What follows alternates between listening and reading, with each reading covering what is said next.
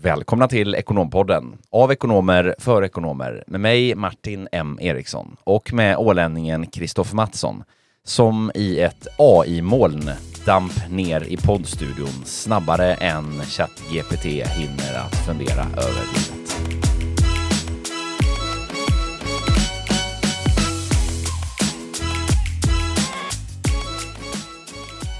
Ja, man, den där är, flög jag nästan av stolen när jag hörde. Den var, var den, var den speciellt bra den där? Nej, jag vet inte. Den var lite så här utsvävande tänkte jag. Det Mm, passar det- ju här nu när vi är tillbaks. Passa på dagens tema. Passar på dagens tema. Det är ju verkligen så. Så är det. Det är dags att eh, skaka om semesterhjärnorna och eh, komma tillbaka back to business. Säkert flera av er som redan är tillbaka här sen, sen ett par veckor. Ja, vi har ju eh, smygstartat eh, hösten här eh, ändå här senaste veckorna. Med Therese senast i studion och vi har ju ändå kammat till oss lite och varit och klippt oss och Ja, ja, ja, verkligen. Och det finns ju även de, jag kan säga det, de, de senaste åren känns som att de tidiga semesterfirarna har varit de lyckligt lottade. Eh, juni månad har ju bjudit på väldigt, väldigt mycket solsken och det har varit lite brist på det i, i Stockholm här under sommarmånaderna. Vi hoppas nu att ja, slutet av augusti och september kan bjuda på lite hög sommar, tidig höstvärme. då säger mannen av klyschor att då får man ju skina som en sol själv. Så är det. Det är bara att polera med, med body lotion. Så är det och oberoende på om du kör med eh, apelsindoft eller utan doft på din body lotion så är det inte det vi ska djupdyka i idag.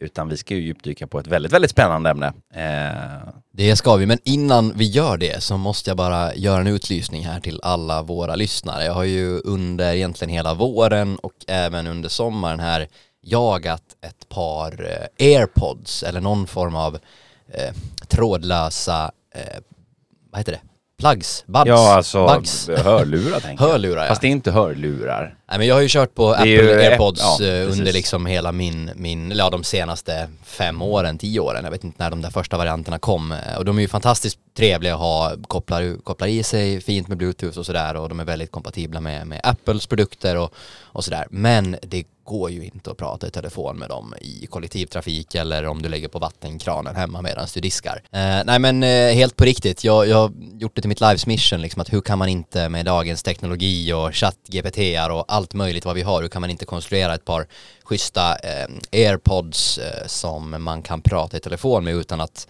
den du pratar med hör eh, vad grannen i vagnen bredvid säger på tunnelbanan. Men nu har jag då eh, införskaffat eh, Jabra Elite 7 Pro Eh, Och det här sägs ju ska vara, de har några extra mikrofoner och ska vara bra för brusreducering och sådär. Jag har inte hunnit testa dem ännu men jag ska göra det idag och återkommer med recension därefter. Men är det någon där ute som känner till ett par hörlurar som faktiskt funkar för det här ändamålet så please do tell. Ja, härligt. Nej men precis. Och det är ju ingen Jabra-spons heller. Ingen Jabra-spons, nej då. Nej, jag har fortsatt ju med mina airpods. Det känns, de känns, eh, ja jag vet inte, jag, jag gillar dem måste jag säga. Ja, ja, men vi, eh, jag kanske byter tillbaka till det också, vi, vi, vi får se. Märker vi. Men du, hösten, vad har den att bjuda på då innan Ja, in på exakt. Den, eh, det kan man ju fråga, eh, det kan man ju fråga en chattrobot om. Vad hösten har att bjuda på. Det, det kanske vore en rolig fråga att ställa. Eh, nej men eh, jag är ju faktiskt jävligt taggad på den här hösten måste jag säga. Jag, jag känner, jag sa det till dig förut här om dagen att eh, eh, du frågar mig så här, vad jag ser fram emot och det är ju mycket jag ser fram emot men en sån här sak som har kanske med mig själv att göra är att jag, jag ser lite, ser ganska mycket fram emot att få eh, lyfta min så här, vardagsstruktur till nästa nivå faktiskt. Ja, du var inne på det redan lite här eh, under våren och innan semestern att du hade kommit igång med dina morgonrutiner och sådär. Så Ja, att, eh, exakt. Och det känns jäkligt bra faktiskt. Jag har börjat designa upp så här, men hur, hur, hur optimerar man sina 24 timmar? Och då är det inte på någon så här, nu är inte jag, nu är inte jag ute efter liksom att eh, späcka sönder schemat eller fylla var minut med eh, en syssla och inte hinna att reflektera över att man lever utan mer fokusera på att eh, ifrågasätta lite grann eh, ja men eh, just på vilket sätt man vill ha sin dygnsrytm. Vad, vad vill man fylla morgonen med? Vad vill man fylla kvällen med och eh, dagen med? Eh, och vad vill man inte fylla den med? Så är det och det brukar ju vara härligt att komma tillbaka och kickstarta, liksom köra igång med rutiner och eh, kostcirkel och träning och sådär. Och jag märkte att jag verkligen hade slarvat under sommaren för att jag blev faktiskt avstängd från Fightbox på grund av att jag har glömt att avregistrera mig från passen och så har jag missat dem och då har de så här one, two, three punches så att om du missar tre pass så blir du avstängd i 30 dagar från bokning eller så behöver du då krypa till korset och köpa tillträde för 200 kronor för att få boka igen. Mm. Så att nu ligger jag där eh, som en, ja, i ingenmansland och, och eh, har inget tillträde till bokningen. Men jag funderar på att krypa till korset och köpa mig eh, access igen då, så att jag också kommer igång igen med, med träningen. Du kan följa med på mina intervalllöppass annars. Absolut, ja. gärna det. Jag fick nya skor idag faktiskt. Ja. Ja. Du, gick du någon sån här spring, eh, spring eller att du fick åka in till någon av löplabs skor och köpa skor? Nej, jag fick eh, faktiskt eh, en eh, present. En present av ett par, ja men ett par nya löpskor av en väldigt speciell person. Mm. Mm. Trevligt, det vill vi gärna höra mer om. Mm, kanske man får göra. Ja. Nej, men annars känner jag att bröllopen duggar tätt. Det är väldigt många av mina nära och eh, kära och bekanta som ska gifta sig. Eh, jag var på ett här bröllop för en vecka sedan och eh, ska på ytterligare ett här i höst och jag tror att det är tre eller till och med fyra stycken inkommande år och jag kommer behöva vara med och kanske styra diverse svensexor och sådär så att äh, det, det, det, är kul. Men det är, ja det är full, full rulle. Du men ska du, inte gifta dig än? Jag ska inte gifta mig än, Nej. inte riktigt ännu, men, men vem vet, den dagen kanske också kommer. ja, det, det gör den garanterat. Men du, back to business pratade vi lite om tidigare, som sagt, vi har redan varit det, men det är ju en bra tidpunkt tyckte vi att då redogöra lite för det här omtalade ChatGPT och OpenAI som nu har blivit ja, ett fenomen på allas läppar och man har pratat digitalisering och automation väldigt, väldigt länge, men det här är ju faktiskt eh, ett verktyg som man faktiskt, ja men i princip med start redan nu faktiskt kan spara ganska mycket tid både i, i jobbet och även i, i, i vardagen. Det är en teknik som, som revolutionerar både liksom hela industrier på en tekniskt ganska avancerad nivå. Alltså vi ser ju hur man använder det här till exempel i sjukvården för att liksom snabbt kunna skanna eh, extremt stora datamängder och hitta avvikelser för att på så sätt kunna liksom förutspå eh, till exempel eh, cancer. Eh, men hur man också i sin vardag kan använda eh, en, en, eh, en chattrobot för att få, få hjälp med diverse olika sysslor och på så sätt spara väldigt, väldigt mycket tid. Så det, det är ju ändå någonting av, tycker jag, något av det kanske roligaste med den här tekniken, det är ju att den, den har ju i samma veva som den liksom har uppstått också blivit väldigt tillgänglig för gemene man, för vem som helst. Vem som helst eh, som har tillgång till internet och en dator eller telefon kan ju registrera ett gratis gratiskonto och börja använda artificiell intelligens.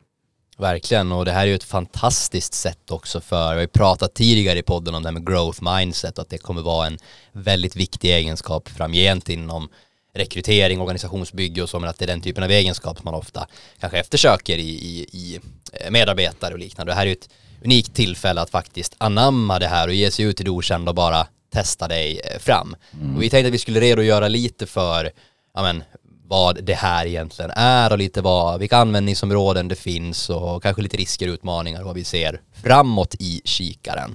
Exakt. Um, på vilket sätt uh, man som ekonom kan använda artificiell intelligens och eh, kanske specifikt ChatGPT i sin vardag. Eh, det ska vi hoppa in på idag. ChatGPT då grundades väl egentligen i november 2022 av en amerikansk, egentligen från början en non-profit organisation som heter OpenAI, så det är de egentligen som tillhandahåller den här tjänsten ChatGPT. Eh, och eh, tanken egentligen från början var att man inte skulle ha någon press på sig att tjäna pengar. Bland annat tror jag att Elon Musk var med och finansierade det här och det kostar ju väldigt mycket resurser att träna upp en sån här databas då. Eh, men sen kom Microsoft in och investerade först vid ett tillfälle och sen så investerar man vid ett tillfälle till. Jag tror att omkring, de äger typ 49 procent eller någonting av detta idag. Fick även tillgång till tekniken och och sådär. Och man har ju försökt utmana, eh, Google har ju konkurrentroboten Bard och eh, Microsoft har bland annat lanserat sin sökmotortjänst Bing då där du kan inkludera den här ChatGPT-metodiken i deras sökmotor. Mm. Men det gick ju väldigt, väldigt fort det här. Man hade 100 miljoner användare efter två månader och jag läste några siffror att innan sommaren här så var det väl omkring 500 miljoner eh, användare. Men det är ganska svårt att säga för de går inte exakt ut med liksom, så här många unika är det. Men det är bara någon form av uppskattning. Och den här siffran ökar sannolikt hela, hela, hela tiden. Ja, det är, det det är ganska stadiga, eh, stadig trafik som går genom de här servrarna kan man det ju konstatera. Är det. det är tidskrävande eller tids, eh, heter energikrävande. Energikrävande, definitivt. Men när man går in på hemsidan då egentligen OpenAI så finns det egentligen tre olika typer av valmöjligheter du kan klicka in på. Ja, exakt. Och där har vi ju den ena då som ju är eh, själva ChatGPT, alltså själva då den textbaserade artificiella då chattroboten. Och sen har du ju en del då som ju handlar om integrationer och det är ju där man får möjligheten då att kunna använda OpenAIs teknik eh, den här artificiella intelligensen och bygga på egna, alltså använda den tekniken och implementera den i till exempel då en, en egen databas eller i en egen eh, infrastruktur. Jag ställde en en rolig fråga då till, till eh, ChatGPT idag så ställde jag frågan eh, om jag vill skapa en informationsdatabas med eh, och kunna generera smarta svar då baserat på en, en informationsdatabas som jag själv äger och kontrollerar. Hur gör jag då? Och så fick jag en, en ganska liksom övergripande men ändå eh, strukturerad förklaring om, om liksom rent tekniskt hur då den här tekniken behöver byggas samman rätt häftigt. Och sen har vi den tredje delen då, den här bildgenereringsroboten då. Precis, eh. DAL-I, jag vet inte exakt hur man ska Nej, ut, uttala det, men, men, en AI-modell där du kan generera egentligen bilder baserat på en textbeskrivning. Mm. Och, och, det, och där har väl, där har ju, ska vi tillägga bara, det är ju chatt, eh, själva den textbaserade modellen som ju har kommit längst.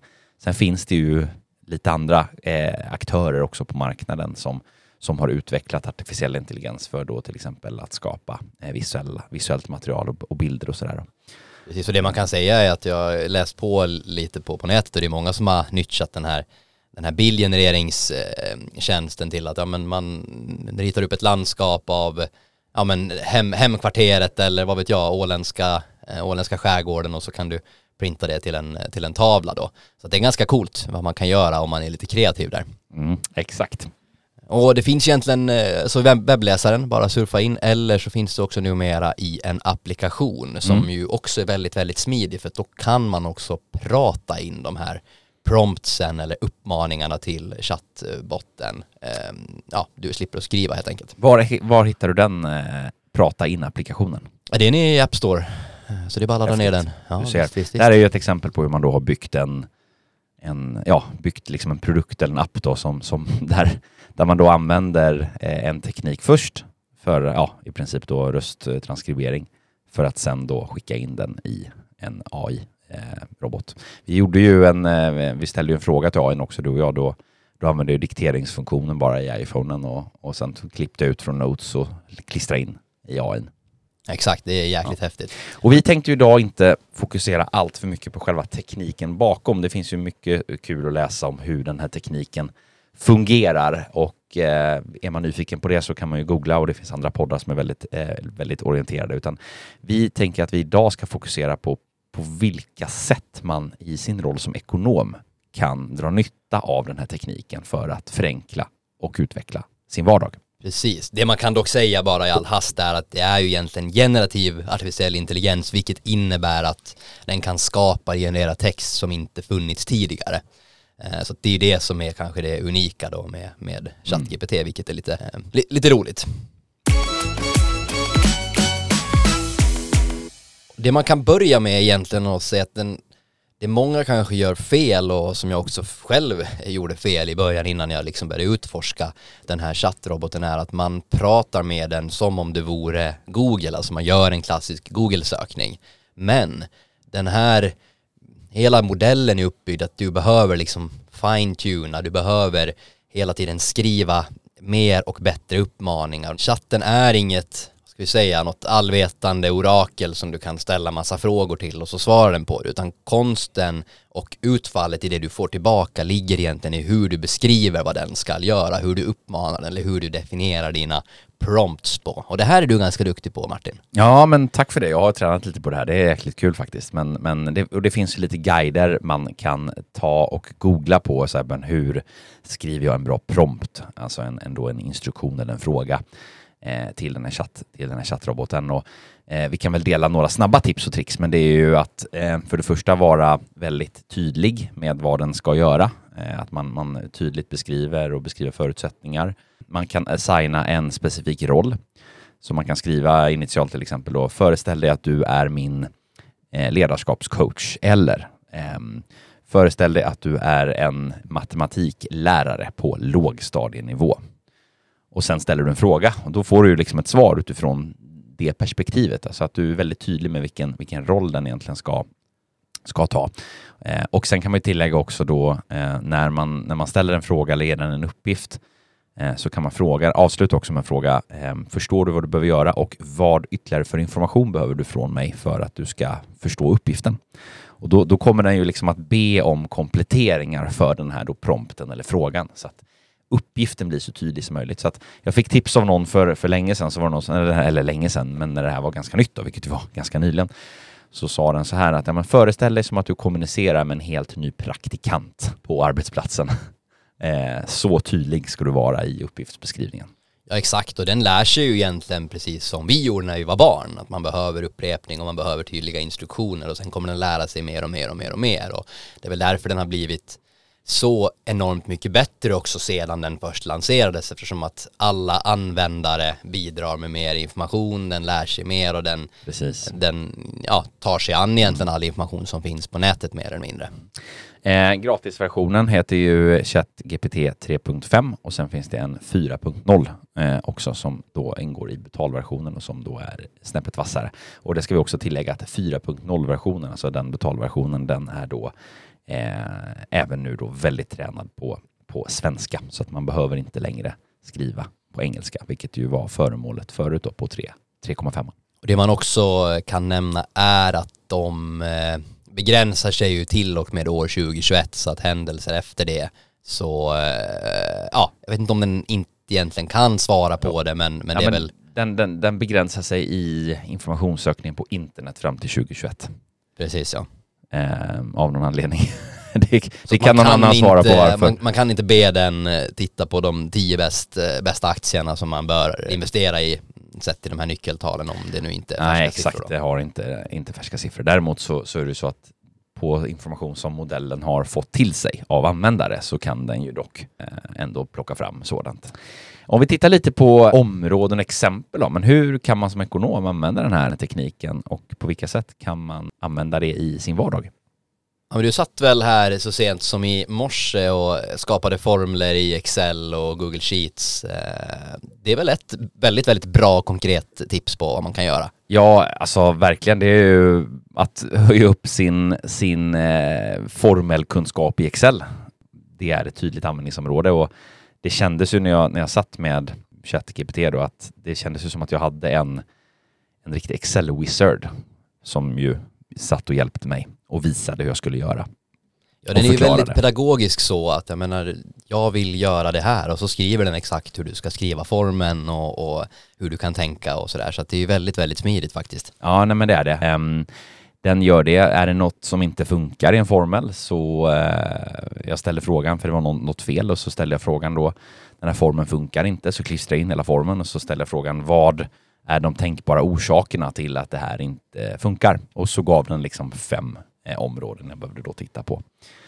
Så att eh, formelskrivning och då får du ju liksom en, en, färdig, en färdig formel. Det är bara att kopiera och klistra in. Sen kan det skilja sig lite då eh, exakt egentligen hur de här formlerna är skrivna, men det går ju lätt att justera i så fall. Alltså till exempel mellan Google Sheets och eh, Excel så använder man kommaavgränsning. Eh, alltså, du använder kolon i ena och så semikolon i andra systemet till exempel. Sådana här detaljer som man behöver kanske fine-tuna som den inte riktigt har koll på, men i stora drag eh, så, så skapar den och förklarar också de här formlerna på ett väldigt pedagogiskt sätt och baserat också på vad du behöver ha, för det har jag upplevt när jag själv har suttit i, i Excel. Alltså det är, en, det är hundratals formler som finns och så tänker jag så här, vilken är det jag ska använda? Och sen hur ska jag kombinera dem? Och om du då skriver prompten, alltså frågan på vad du vill skapa, vad är det du vill åstadkomma och vilka resurser, vilken data har du tillgång till? Då får du ett väldigt pedagogiskt svar till dig på vilka former du ska använda och på vilket sätt du ska kombinera dem för att uppnå det resultat du vill ha. Ja, det, det är fantastiskt och rapportskapande, dataanalys, beskriva trender eller avvikelser i en budget. Allt detta ligger ju inom ramen för vad den kan göra och den gör ju det faktum det på ett väldigt, väldigt bra sätt och så kan du bara liksom fine-tuna hela tiden. Ja, verkligen. Powerpoint-presentationer är ett annat bra exempel som jag inte älskar speciellt mycket att sitta och, och, göra. Det kan den här stötta dig med. Ja, ChatGPT är ju lite begränsad i, i alltså specifikt ChatGPT är ju begränsad, men det, det byggs ju andra eh, AI-verktyg. Alltså det finns ju tusentals där ute idag som redan har släppts nu som använder AI eller specifikt Open AIs teknik. Eh, du var inne på det själv förut här eh, när vi eh, introducerade lite dagens ämne och just att Microsoft då har integrerat då tekniken i, i den här sökmotorn Bing och på samma sätt då så, så använder ju andra företag AI-teknik då för att eh, integrera i sina andra tjänster. Eh, och till exempel då har du ju just presentations tjänster. Du kan ju be AI skapa en, en säljpitch för en viss produkt och så genererar den liksom sex slides med en, en nästan till färdig pitch. Då. Ju tydligare du skriver den här desto, desto bättre. Så det är bara att googla där ute. Det finns massvis med verktyg och, och de har ju kommit olika långt hur bra de är. Men eh, definitivt eh, presentationsskapande är ju en sådan. En annan är ju eh, att strukturera om information. Alltså om du har då en, en, en berättelse eller en, eh, juridisk en text. eller en juridisk text så kan du be den göra massa olika saker. Eller ett långt krångligt mail från någon annanstans organisationer du inte vet vad de säger. Ja, men, eh, sammanfatta ja, men det här. Sammanfatta det eh, till en bullet points eh, lista. Eh, eller man kan ställa frågan vad, vad menas kanske egentligen? Vad är poängen? Vad, eller vad kan den dolda agendan vara? Har jag frågat på, på en sån här. Då. Du kan baserat på en eh, logg så kan du be chattroboten att skapa en actionlista utifrån det här. Du hade ju något roligt exempel med eh, någon eh, story. Var det något mord eller var det Palmemordets, Palmemordsutredningen eller någonting? Ja, exakt. Ja, det är ju många som har eh, gjort alla möjliga eh, testningar, men då var det någon som hade tittat på Palmemordet och bett då ChatGPT sammanfatta och sammanställa vilka hål det fanns i den här Skandiamannens berättelse då och gjort det ganska klanderfritt. Så att, ja. och det jag tycker är coolt med det här är att man kan ju, precis som du var inne på i början, så kan man ju be då den här chattroboten att agera som en viss typ av person eller att man kan få en viss typ av tonalitet i den texten eller det som mm. du får eh, till dig då. Så att jag till exempel bad eh, ChatGPT att analysera alla mina tidigare LinkedIn-inlägg som jag har publicerat eh, och sammanställde det och sen så bad jag den att eh,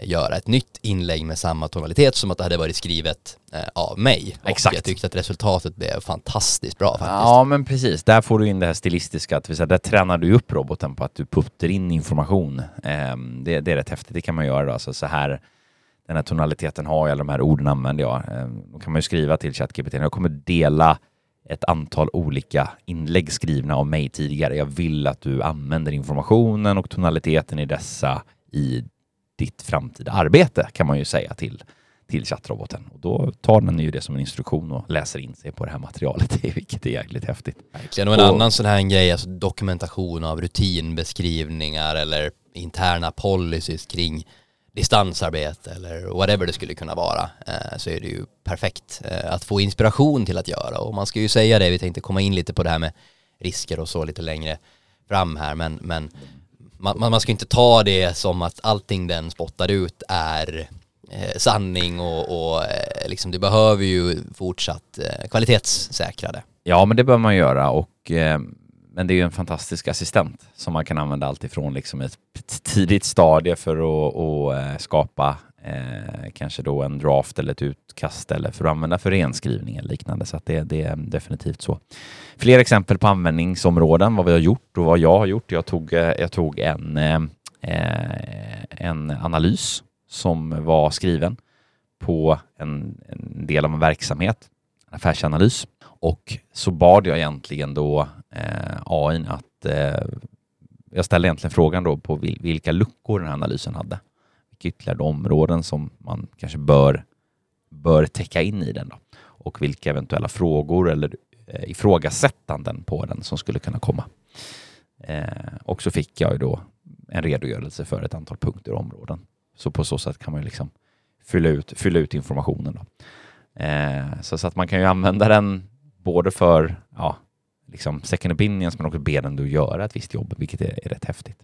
Precis, jag läste om någon som hade klistrat in liksom inkomstskattelagen och en massa olika scenarier om eh, inkomstbeskattning och, och sådär och fått ett ganska bra och välgrundat svar på ungefär var man skulle ligga liksom procentmässigt i, i inkomstskatt och, och sådär. Mm. Så att det finns ju användningsområdena, det är verkligen bara fantasin som, eh, som sätter gränser och ja. vi testade så sent som i morse eh, att den skulle då producera matematiskt krångliga eh, frågor. Det här är också någonting som kommer revolutionera hela liksom, skolväsendet och utbildningsväsendet. Att visst, många hävdar att det finns en risk i det här med att, ja, vem är det som skriver uppsatsen numera? Men då finns det också vissa tjänster som kan säga, en, ja, men ungefär med den här sannolikheten så skulle det här kunna vara AI-genererat eller AI-baserat. Och samtidigt så kan ju lärare använda sig av det här Eh, verktyget. Så att det finns alltid två sidor av myntet. Ja, men exakt. Vi eh, kan ju, när vi ändå håller oss på texter, så kan man väl eh, lägga till det lite med, ehm, med översättningar det har ju visat sig funka väldigt bra. Jag skulle översätta en juridisk text och så kom jag in och sa till dig, du testa lägga in ja, det där i ChatGPT. Alltså, otroligt frustrerad. Då kände du att de här två timmarna hade jag kunnat gjort någonting annat Ja, och jag, alltså verkligen. Och resultatet blev ju så bra. Ehm, och ha det som ett utgångsläge. Den ehm, eh, går ju liksom också då för att ja, for, formulera om texter, göra dem mer krispiga eller mer tydliga eller sätta samman tonalitet rakt igenom en text om det har olika nivåer och olika tonaliteter. Att skriva om den så att den då blir liksom enhetlig och, och sådär. Och säg bara ett eh, praktiskt exempel, ja, men en av våra kunder här hade någon diskussion om att ja, men här har vi en, en branch eller en filial i, i Danmark. Och vad behöver man tänka på då när man till exempel ska säga upp en medarbetare i det landet? Eh, och bara då mata lite frågor till ChatGPT och få ett ganska bra frågebatteri som du sen kan ha som inspiration när du till exempel bokar upp ett möte med en, ja, en jurist som har kanske den spetskontrollen eller spetskunskapen i det området. Så du kanske inte kan ta det resultatet som liksom och verkställa ut efter det. Exakt, men. inte rakt av eh, och det har ju att göra med just då en av de riskerna som vi ska komma in lite på senare då som ju handlar om den informationen, alltså hur tillförlitlig är, hur tillförlitligt är så att säga svaret och det, det Eh, Eh, vi ska komma in lite på det senare när vi kommer till, till riskanalysen. Men, men eh, helt rätt, den kan ju hjälpa dig att förbereda, liksom att, att identifiera då frågeställningar eller liknande. Och vi kanske har nämnt det lite tidigare, just det här med funktionen, att du kan använda den eh, ja, men, som om det vore en femåring eller en tioåring som läser texten. Och det är faktiskt väldigt, väldigt användbart när ibland du vetenskaplig artikel eller någonting annat som du har läst och bara, men vad är faktiskt kärnan i det här? Eh, och be den då sätta tonaliteten och förklara det som jag vore ett barn. Ja, verkligen. Jag tog faktiskt en medicinsk text eh, på engelska eh, från något amerikanskt vetenskapsmagasin eh, inom medicin och medicinteknik. Eh, det är ju liksom, för det första är det ju ord och termer som inte jag kan och använder. För det andra är det på engelska. Så det är så här, det är komplicerat. Men jag var jäkligt nyfiken och då bad jag den att sammanfatta resultatet på ett pedagogiskt sätt. Eh, och det på svenska då helt otroligt vilken tidsbesparing i researcharbete. Researcharbete, det är ju ett sånt exempel, ett sånt område just här, men när du ska ta till dig tung materia och dessutom då kanske på ett språk där du inte alltid är van eh, att, att använda eh, ord och begrepp eh, inom det området. Då. Så, så får du det till dig och översatt och förklarat på ett pedagogiskt sätt i liksom ett knapptryck. Det, det, det är verkligen så otroligt tidsbesparande. Ja, det är häftigt och jag lyssnade på eh, någon podcast där de diskuterade också hur det här revolutionerar hela liksom utveckla branschen, IT-branschen mm. och just att tidigare kanske du i ett stående möte kunde få en fråga från en kund eh, bara så nej men det här, det här kanske inte är möjligt eller ja det, det skulle vara allt för tidskrävande men idag kan du i princip på stående möte koda och se om det är möjligt och kunna adressera det direkt. Eh, och det är ju jäkligt häftigt och man, nu ska jag inte svära på siffror här men jag tror majoritet av all kod idag är genom liksom ChatGPT-relaterade modeller. Precis, kod och kodning, det är som du beskriver, det, det är ju eh, inom ramen för det att den kan ju eh, skriva kod. Eh, så är man lite eh, intresserad av det eller håller på med eh, databaser och annat så kan den ju generera eh, en hel del spännande där också. Jag använde eh, ChatGPT nyligen också för att göra en, det var en jäkligt häftig grej. Jag använde den för att skapa en Q&A. Så jag, jag, jag, delade in då, alltså jag tog en, en ganska tung eh, instruktion om en viss eh, sak då. Och så bad jag den generera eh, de mest tänkbara frågorna och svaren på dessa med en tydlig instruktion på hur man löser det. Det är ju perfekt också inför alltså förberedelse av en, en eh, workshopdag, ja, men vi vill ha inspiration, vi vill bli bättre på göra, men vad vet jag, jobba tillsammans kan du ge exempel på Ytterligare ett, ett schema, hur man kan göra, arbeta med samarbetsövningar tillsammans och Ja. sådär. Så den är verkligen fantastisk. Eh, om man använder den på, på, på rätt sätt. Eh, och det vi kanske skulle vilja förmedla väl någonstans att det finns ju lite två läger, Mm, förändring är alltid väldigt, väldigt läskigt och just det här med att hur ska man tackla det här rent policymässigt i en organisation och sådär och vi skulle väl verkligen vilja uppmuntra till att ja men förbjud inte att använda det utan snarare uppmuntra eh, utbilda i hur kan man göra ehm, och vad, vad är det här och vilka möjligheter finns det inom ramen för, för då den policyn som vi sätter upp inom organisationen och det kommer vara en tidsfråga eh, innan liksom ChatGPT eller den här metodiken eh, eller funktionen på ett annat sätt integreras i alla de dagliga verktygen vi, vi använder. Det, det finns redan idag Microsoft Copilot där det finns den här typen av funktioner i ja, men, Word, Teams, Sheets. Du har eh, möjlighet att liksom transkribera mötesanteckningar och få det sammanställt det viktigaste och sen en liksom som du var inne på en to-do, vad ska jag göra, action points därefter. Ja, kör man möten på, på engelska just det, det har, där har man inte kommit så mycket bra svenska verktyg än, men, men eh, till exempel MeetGeek som är ett, ett verktyg som, som ja, det, transkriberar och sammanställer eh, noteringar och sammanfattningar från möten. Vem som har sagt vad, vilka beslut som har tagits, vilka åsikter som har förts fram av vem. Eh, diskussioner som har varit, vem som haft vilken eh, kommentar på vad och, och sådär. Otroligt häftigt. Det är fantastiskt och det är ju väldigt praktiskt också i, i vår bransch när man till exempel har intervjuer med olika kandidater. Du kan fokusera på att faktiskt möta kandidaten du har framför dig istället för att anteckna och, och notera. Och vi var inne lite på det här med growth mindset tidigare och det här är ju verkligen ett klockrätt exempel när medarbetarna kan få eh, glänsa och låta dem laborera och testa och dela med sig av sin kunskap för att gynna också lärande och att alla lär sig om det här. För att det är liksom, det går inte att blunda för även om man tycker att det är lite skrämmande och läskigt så eh, gå in på chat.openai.com och testa redan idag. Ja, Vi har ett annat exakt. exempel på lite tjänster och plugins och sådär. Det finns något som heter Ariglad, ett danskt bolag där man typ kan ställa HR-relaterade arbetsrättsliga frågor. Ja, men, hur många semesterdagar har jag kvar eller hur ser policyn ut kring eh, hemarbete eller eh, hur många sjukdagar har jag eller hur ser friskvårdsrutinerna ut. Och så svarar den här då, för då blir det som att man har då ett, ett filter på där du då i egenskap av Martin till exempel så då kommer den att svara utifrån Martin och den tonaliteten. Och är det så att den inte har svaret på frågan, men då kanske den hänvisar dig vidare till HR eller vem det nu är som kan besvara dina frågor om inte den här eh, chattroboten kan, kan göra det. Eh, Dover Autopilot är ett annat bolag eh, som använder det här genom automatisk kandidatsourcing. Eh, jättehäftigt. Eh, och hade du Mm. sagt det för ett par år sedan så hade man nog kanske blivit lite sådär, nej men det, det känns inte riktigt, riktigt rätt. Nej, det, det, som sagt, tekniken har ju verkligen blivit tillgänglig. Och det finns ju otroligt många verktyg. Googla, gör en snabb googling på Popular AI Tools eller Top, eh, top AI Tools så kommer det ju liksom massvis med, med olika artiklar och liknande med, eh, med långa, långa listor på eh, olika verktyg som ju då har byggt in artificiell intelligens. Alltså man använder en eh, antingen egenutvecklad teknik eller till exempel OpenAIs teknik eh, i en miljö som man har då eh, med kanske då en, ett eget interface och där ju du, den här tjänsten så att säga då skriver promptar mot, vi ska inte gå in i detalj på hur det funkar, men, men där du liksom har byggt en mycket mer användarvänlig version egentligen av, av det du gör i ChatGPT. Och det jag tycker är häftigt med det här är ju att någonstans det man kanske skulle vilja uppnå i slutändan är ju den här, men vi människor är lata i vår natur och man, idag så går man in och tittar, okej men vad är vädret idag? Det är 22 grader risk för regn, vad innebär det? Jo men då drar jag själv slutsatsen att jag behöver ta med mig regnjackan om jag ska ut på golfbanan. Men att kunna ställa den frågan och direkt in i en sökmotor, till exempel så som Bing opererar idag där de försöker kombinera då sökmotor med eh, den här ChatGPT.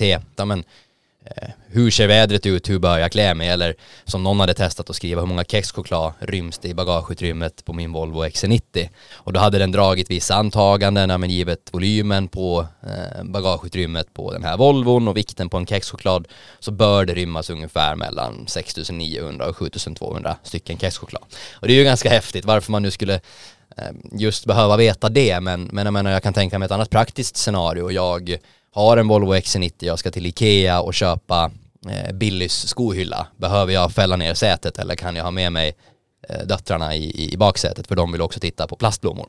du är med hur jag tänker. Det kommer ju göra att det faktiskt underlättar i vardagen också om de här blir, blir riktigt, riktigt bra sen. Ja, ja, verkligen. Absolut. Nej, men så är det och det är ju in, det är precis som du är inne på som vi har pratat om många gånger tidigare här i, i podden att, eh, att eh, det krävs en beteendeförändring och man behöver liksom börja vänja sig vid att ja, men vissa arbetsuppgifter kommer jag kunna Eh, utföra på ett annat sätt och enligt kanske en lite annan metodik, en annan ordning och mycket mer då effektivt och snabbt med hjälp av den här tekniken. Så att eh, det är ju definitivt eh, börja testa och laborera. Eh, registrera, skapa ett konto, börja med gratisversionen kan man göra, kommer man jättelångt med.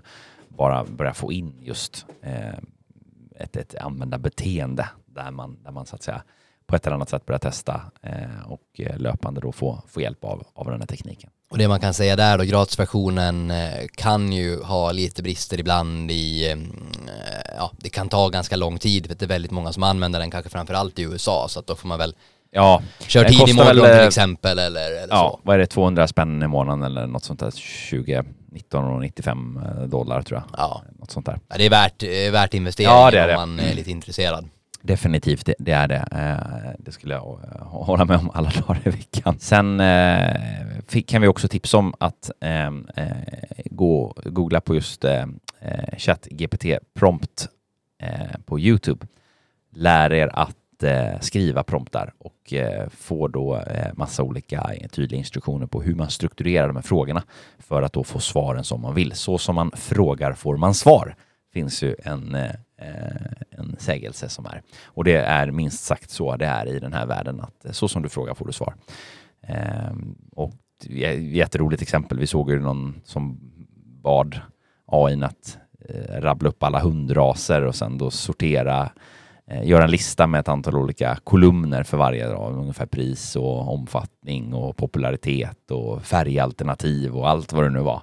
Ja, ja, och jag har satt upp frukostschemat för, för teamet här, vem som är ansvarig vilken vecka och eh, budget och allt möjligt. Så att det finns alla, alla möjligheter i, i, i världen. Eh, och som sagt, det är möjligheternas maskin, men det finns ju också en baksida. Det finns lite risker och, och utmaningar med detta, Martin. Ja, men det är som allt annat eh, så, så gör det det och det, de ska man ju liksom inte skrämmas av utan de ska man vara medveten om och då kunna, eh, kunna hantera. Första kanske viktigaste jag tycker man bör nämna är ju att tänk efter eh, innan du puttar in information i den här roboten. Det är trots allt ett, ett amerikanskt bolag idag som äger och har tillgång till all den här informationen. Det har skett någon läcka tidigare och, och, och sådär att alltså GDPR är en ja, sak, alltså, men verkligen. integriteten i liksom ja. företagshemligheter, företagsspecifik information och, och, sådär. Om du någonstans ligger sådär på gränsen att ska jag skicka in det här i, i, i ChatGPT? Ja men troligtvis inte, Nej. blir svaret. Eh, precis, ställ dig frågan om du vill dela informationen. För det, den blir ju less or more tillgänglig egentligen. Eh, såklart då för, för, för den här motorn och eh, eh, framförallt så, så släpper man informationen ifrån sig så att eh, just integritetsfrågor och, eh, och eh, konfidentiell information, personuppgifter, undvik sådant. Och här skulle vi också vilja slå ett slag för vårt avsnitt 60 tidigare i podden när vi pratade om cybersecurity och hur man ska möta de här digitala hoten tillsammans med Magnus eh, Linkvist på PVC. Jätte, jätte, jätteintressant och hur man då kan tackla det här med, men, eh, vad, det finns ju olika liksom grader av compliance eller liksom säkerhet på den här informationen och beroende på hur bedrövligt det blir om den här informationen läcks eller om vi tappar bort den, men hur hur ska vi tänka med tvåfaktorautentisering? Hur ska vi tänka med vår policy kring hur man får använda ChatGPT internt inom organisationen? Eller vad den skulle kunna tänkas vara. Och det kopplar vi ju till kanske en av de, de största riskerna som egentligen går ganska enkelt att parera bara man är medveten om det. Att det är ju en stor grad av subjektivitet. Alltså ChatGPT tar ju eh, den, den jobbar genom hela internet och det skulle ju krasst kunna vara liksom Flashback eller Familjeliv som är referensen i, i en källa. Om man inte liksom gräver djupare. Det finns några sådana stories, jag läste om någon amerikansk jurist eller advokat som hade byggt ett, ett rättegångscase med hjälp av ChatGPT. Och så visade det sig i slutändan att det han trodde var det kommer källhänvisningar då ju till, till, eh, till tidigare eh, fall. Exakt, som ju bygga inte sitt fanns. argument. Och så fanns inte de här, det var fiktivt påhittade eh, case. Det är någonting man kallar för black, blackbox eh, där egentligen då ChatGPT kan ta beslut eller skicka information utan att man egentligen kan härleda eh, varför. Exakt. Nej men så precis, så, så lite källkritik är ju bra att ha eller dubbelchecka faktan eh, är ju en poäng. Och, och i och med att man själv inte egentligen kontrollerar eh, eller har då kvalitetskontroll på den här databasen så, så eh, behöver man ju eh, säkerställa att det faktiskt är så. Men, men återigen, det är ju Se det som en sparringpartner på olika sätt då, att, att den, den ersätter inte dig rakt av men den kan komplettera och stötta på ett väldigt, väldigt, väldigt effektivt och härligt sätt. Så är det. Det är inte bara ChatGPTs fel om du skickar ut konstiga saker ut i organisationen. Det är ju trots allt du som har varit ansvarig för att skriva prompten från början. Ja, exakt. men så är det.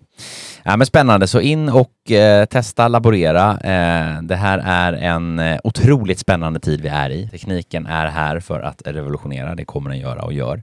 Det går fort eh, och eh, man behöver vara med på det här förändringståget. Och, eh, det, det är otroligt kul och och, och se det, hur det funkar och, och sådär. Så att eh, shout-out till alla just att in och testa och laborera och se hur man kan effektivisera sin egen tid och kollegers eh, tid också på ett bra sätt.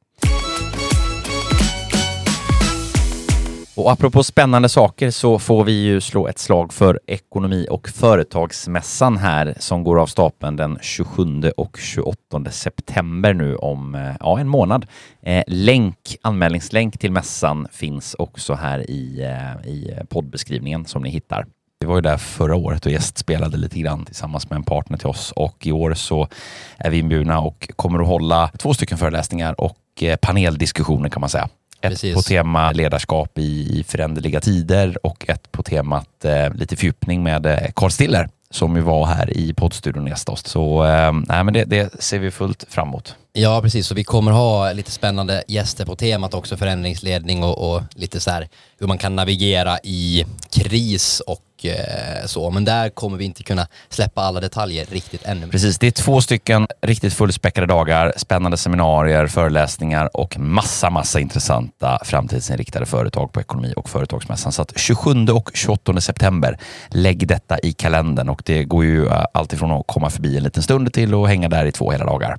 Så är det. Och vi kommer även ha en monter där när ni får träffa oss och eh, ja, kommer mm. ha lite spännande aktiviteter. För de som har missat det så, ja, men till vardags jobbar vi med rekrytering och konsultlösningar inom finance-funktionen eh, och då är det väl ett jättegott tillfälle att komma och träffa oss här de här eh, dagarna i Kista. Exakt, vi hjälper företag att eh, skapa hållbara eh, och framtidssäkrade ekonomi och finansfunktioner genom rekrytering och konsultlösningar. Så eh, kontakta mig eller Kristoffer på LinkedIn om ni är i eh, behov av stöd på detta. Och följ Ekonompodden och även Talents Sweden på sociala medier för att hålla dig uppdaterad om vad som händer och kom ihåg tipsa om, tipsa dina ekonomkompisar om podden. Och vill du göra oss en extra tjänst, gå in på eh, plattformen där du lyssnar. Eh, ge oss ett riktigt, riktigt skönt toppbetyg eller det som du tycker att vi förtjänar eh, och sprid till familj, vänner, kollegor och andra som du håller kärt på ämnet. Exakt så. Tack för den här gången så hörs vi igen om två veckor. Ha det gott! Hej! Hej.